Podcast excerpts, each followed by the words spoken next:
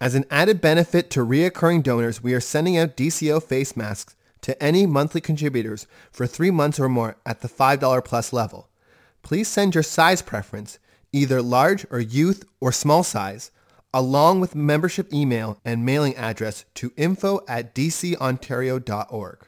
And you can check out what they look like in the show notes. This podcast was specifically created for Distress and Crisis Ontario organizations and their volunteer responders to provide training and educational assistance on a variety of topics. As information evolves and changes, these podcasts are meant to offer ongoing support with the goal of updating them on an ongoing basis. We thank the volunteer responders and the contributors to this podcast. Please visit our website, dcontario.org, for more information and how to access free mental health services. Thank you.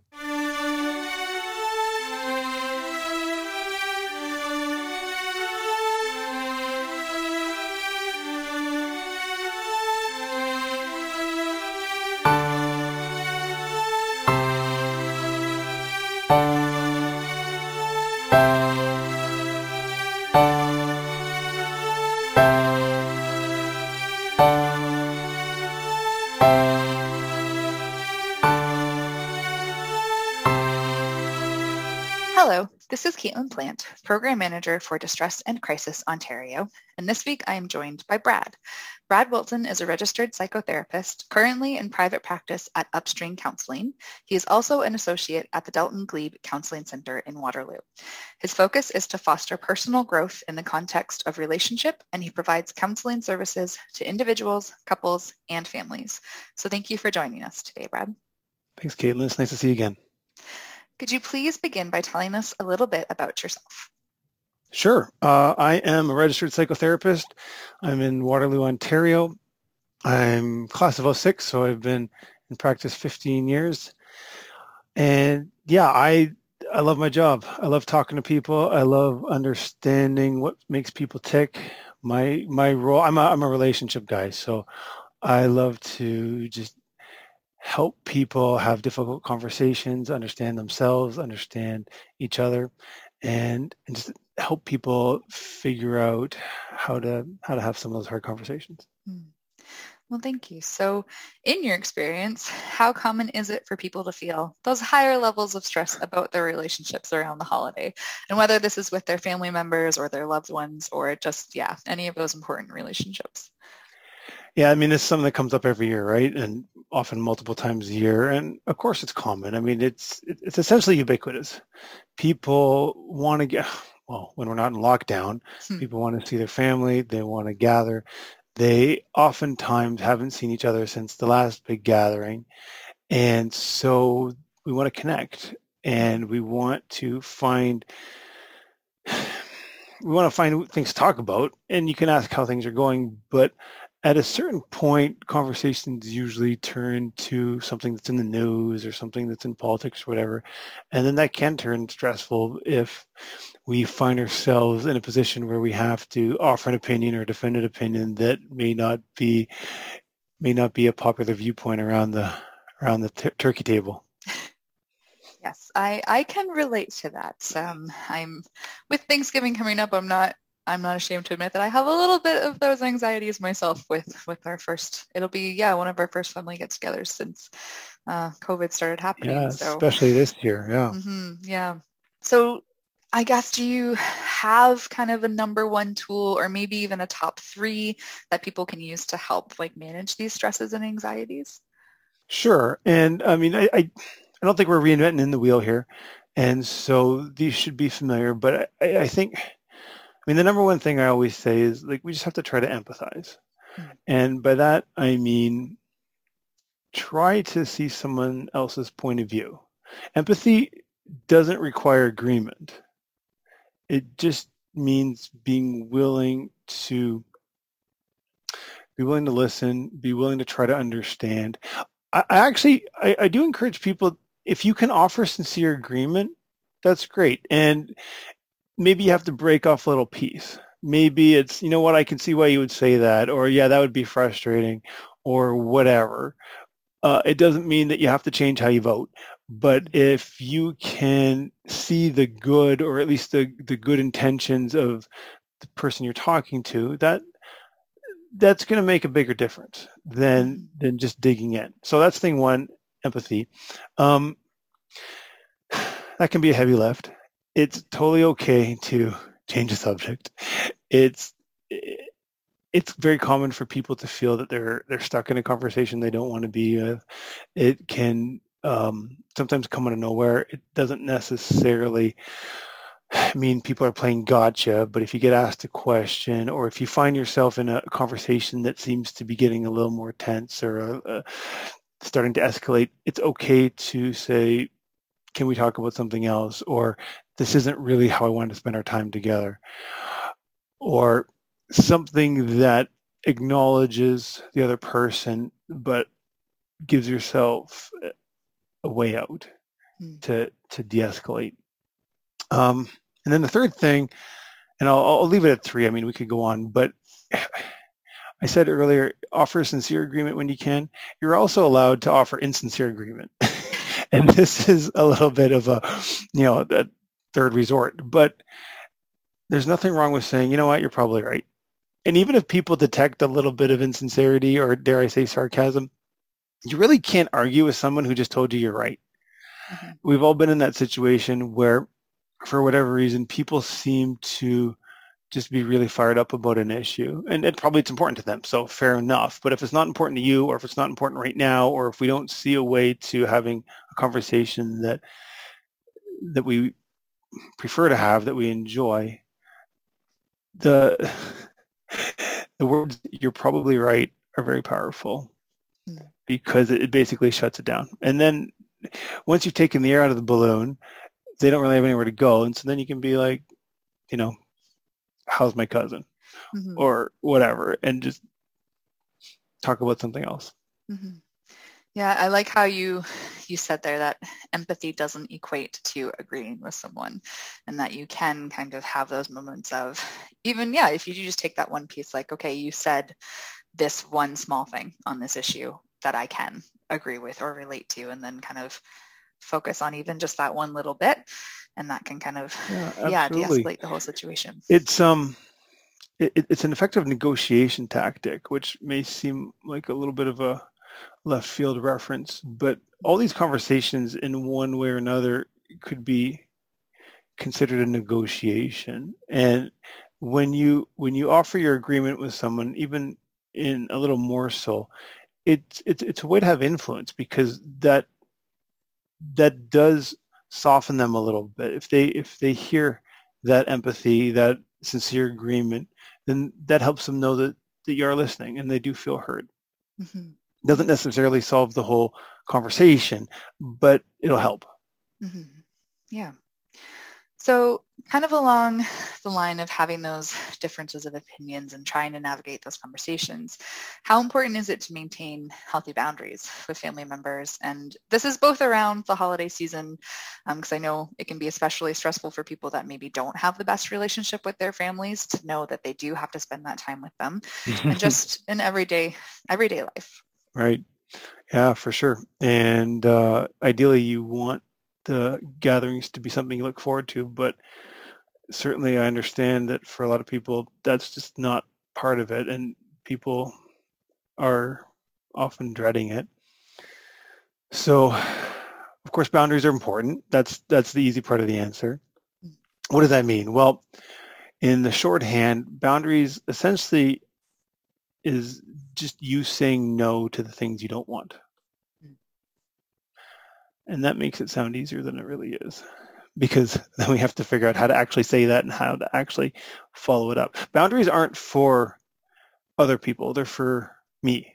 Mm-hmm. Right? When I'm setting a boundary, it could be, you know, asking someone to stop a certain topic, like as we were just saying, you know, could we please just drop this? I don't want to talk about that, whatever else but ultimately, if other people don't respect my boundaries, it's my job to devise an appropriate response. Mm. And so in, in, in the moment, we want to use whatever is the minimum force necessary. right? I'm not trying to come over the top twice as hard at you. I'm just trying to, as I said before, take the air out of the balloon. So if you can change the subject, great. If you can't, maybe you need to make up an excuse. I'm going to the bathroom, whatever else.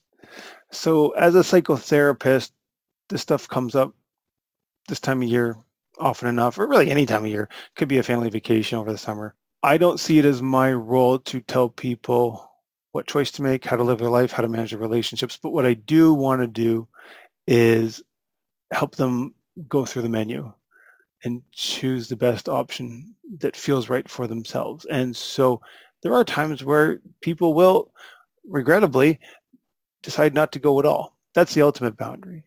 And if that's the right choice, then then we can support that. Everything's a calculation. And so to kind of bring it full circle, boundaries are important, but how you set the boundaries and how you preserve them, enforce them is a bit of a strong word, but but how you enact those boundaries is really an individual choice. And so you're going to practice. You're probably going to make a couple mistakes. You're going to get better at it. It's a skill you're going to build and get better at, and you're going to figure it out. I like that. I like that you said it's a skill that you'll get better at. Because I think too, Absolutely. if it's something that you're doing for the first time, it can feel really daunting. And if there's someone listening to this podcast that's thinking, oh, I really need to set some of those boundaries, but I don't know where to start, I think that that is, yeah, mm-hmm. a good way to kind of sum that up that, yeah, it's going to be hard, especially the first time that you do it. But the more you do it, the better you'll get at it. And the better that people around you will accept it as well because um, I think too when it comes to boundaries, sometimes you have those people that just really don't want to allow you to enforce them, shall we say.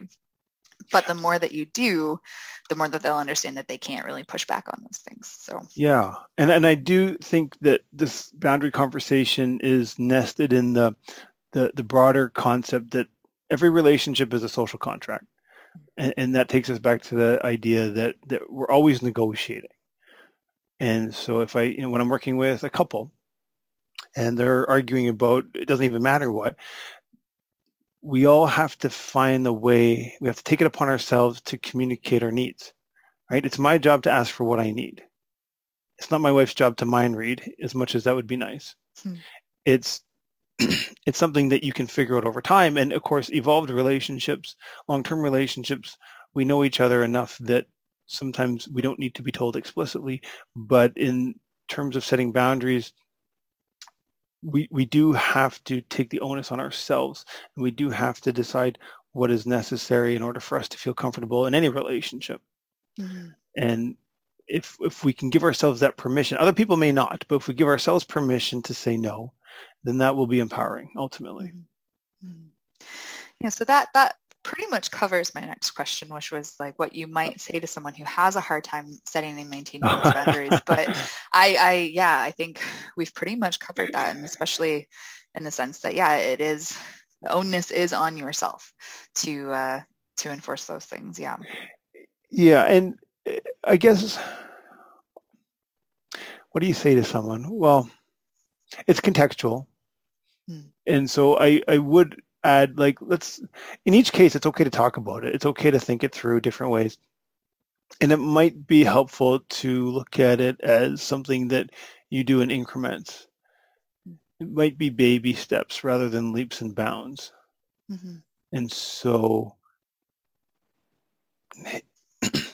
sorry i'm pausing because sometimes it can be really hard to set a boundary. It can be really hard to say no because you know it comes at a cost and a lot of families have dysfunctional dynamics where one way or another, you're going to get punished if you say no. You're not really allowed to. That's breaking the unspoken rules. And so what I would say to that person is it's okay to count the cost. I always tell people, much much like I was saying earlier, it's not for me to try to tell you how to live your life. And so if you struggle to set a boundary that even you think is healthy, in a sense like that's okay. It's not it's not great but we have to accept it because you're doing the best you can in a hard situation. And so yes work towards setting a boundary that works for you but also these are complex situations. And so as a starting point it's okay to just do the best you can and then we'll regroup later. Mm-hmm.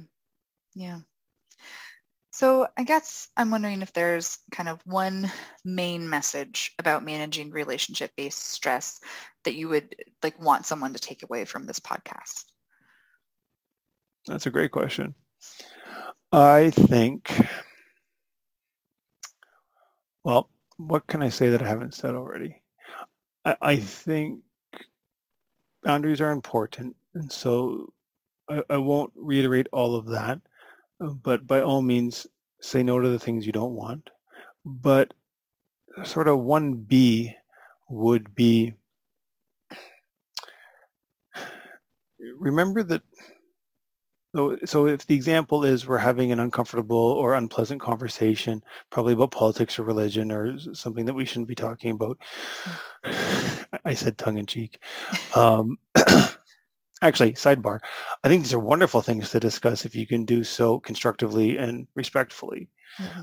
But I appreciate that it can be a minefield if people are being aggressive or disrespectful. So understand that nobody ever changes their mind.